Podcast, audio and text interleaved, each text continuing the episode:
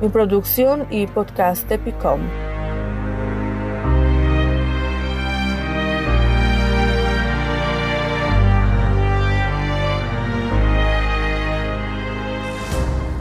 Sigurimi i shtetit, epoka e Koçi Xoxes.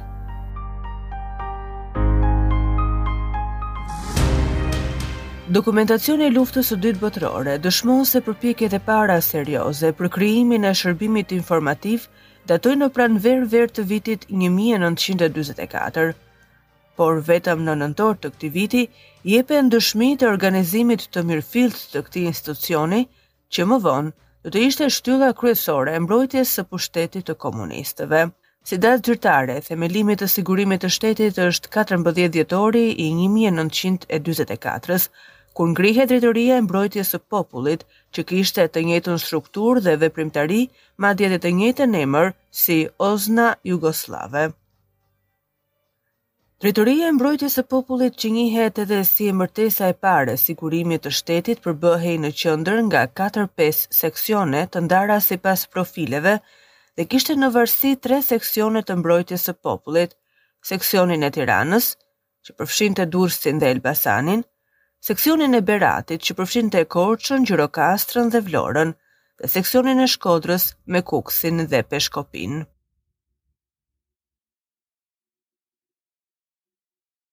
Drejtoria e Mbrojtjes së Popullit udhëhiqej nga drejtori Koçi Xoxe, zëvendësi i tij ishte Nesti Kerenxhi dhe pasohej nga figura e tretë drejtuese Vaskë Koleci. Në vitin 1946, Drejtoria e Mbrojtjes së Popullit mori emërtesën Drejtoria e Sigurimit të Shtetit. Detyra e organeve të sigurimit të shtetit ishte kryesisht goditja e kundërshtarëve politikë, por edhe mbrojtja e pushtetit.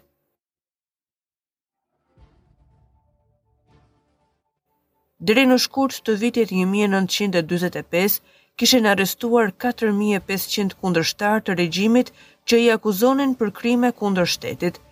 Lufta e forcave të mbrojtjes së popullit e më vonë sigurimit të shtetit ishte fokusuar më shumë në veri të vendit.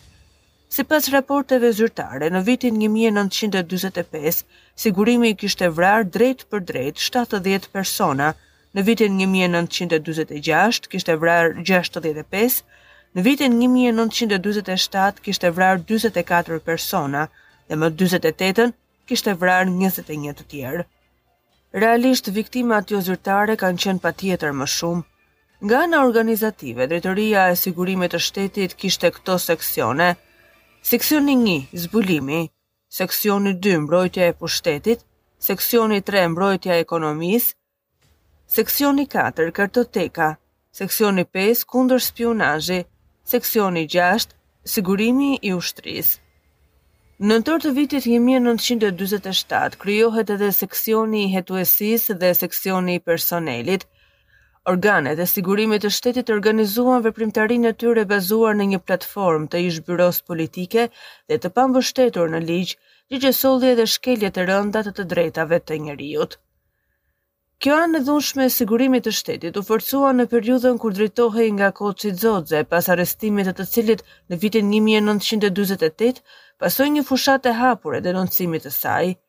Qindra dokumente në arkivat shqiptare dëshmojnë format çnjerëzore të torturave të ushtruara nga punonjësit e sigurimit. Por me arrestimin më 1948 dhe pushkatimin e tij si tradhëtar, vetë Koçi Xoxe bëhet viktimë e këtij sistemi. Sigurimi i shtetit nga sovjetikët deri te vetizolimi. Pas shpalljes tradhëtar dhe pushkatimit të Koçi Xoxes në krye të Ministrisë së Punëve të Brendshme u vu Mehmet Shehu. Në këtë periudhë, një rol dhe peshë të veçantë në drejtimin e sigurimit të shtetit do të kishin këshilltarët sovjetikë pas largimit të këshilltarëve jugosllavë. Në vitin 1949 deri në vitin 1953, vëmendje më e madhe iu kushtua zbulimit dhe kapjes së grupeve të stërvitura nga amerikanët dhe britanikët që tentonin vazhdimisht të hynin në Shqipëri për të përmbysur regjimin e Hoxhës. Sipas dokumentave arkivore, në vitin 1949 deri në 56-ën, ka funksionuar edhe një gjykatë speciale që vepronte vetëm brenda strukturave të sigurimit, Ajo ishte një mekanizëm ndëshkimor i brendshëm jashtë sistemit të drejtësisë. Rekrutimi në rrjetën e agjenturës, përveç vullnetarëve, bëhej kryesisht me detyrim dhe nën presione të ndryshme. Në këto raste quheshin të rekrutuar me material shtrëngues, që nënkuptonte se kërcënoheshin me përgjime të fshehta, me të meta a dobësi të karakterit të personit si moraliteti, vjedhja e të tjera, e deri në kërcënime përmes familjarëve e të afërmve. Veç rekrutimit, vëmendje të veçantë i kushtohej hartimit dhe përdorimit të dosjeve, kryesisht të bashkëpunëtorëve. Pas ndarjes së Bashkimit Sovjetik dhe afrimit politik me Kinën më 1961-shin, nga sigurimi i shtetit u larguan gradualisht të gjithë këshilltarët sovjetikë.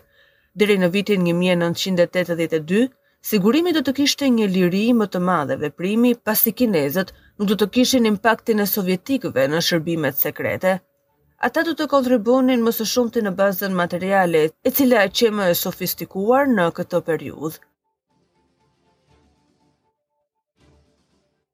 Në një analizë të tij, më pesë shtator të vitit një mijë e nëntëqind e tetëdhjetë e tre, Enver Hoxha do të shprehej i zhgënjyer që kjo strukturë që duhej të mbronte pushtetin e regjimit të tij kishte qenë gjithmonë në duar të atyre që u shpallën tradhëtarë e armiq nga Koçi Xoxe tek Mehmet Shehu e Kadri Hazbiu pas tij.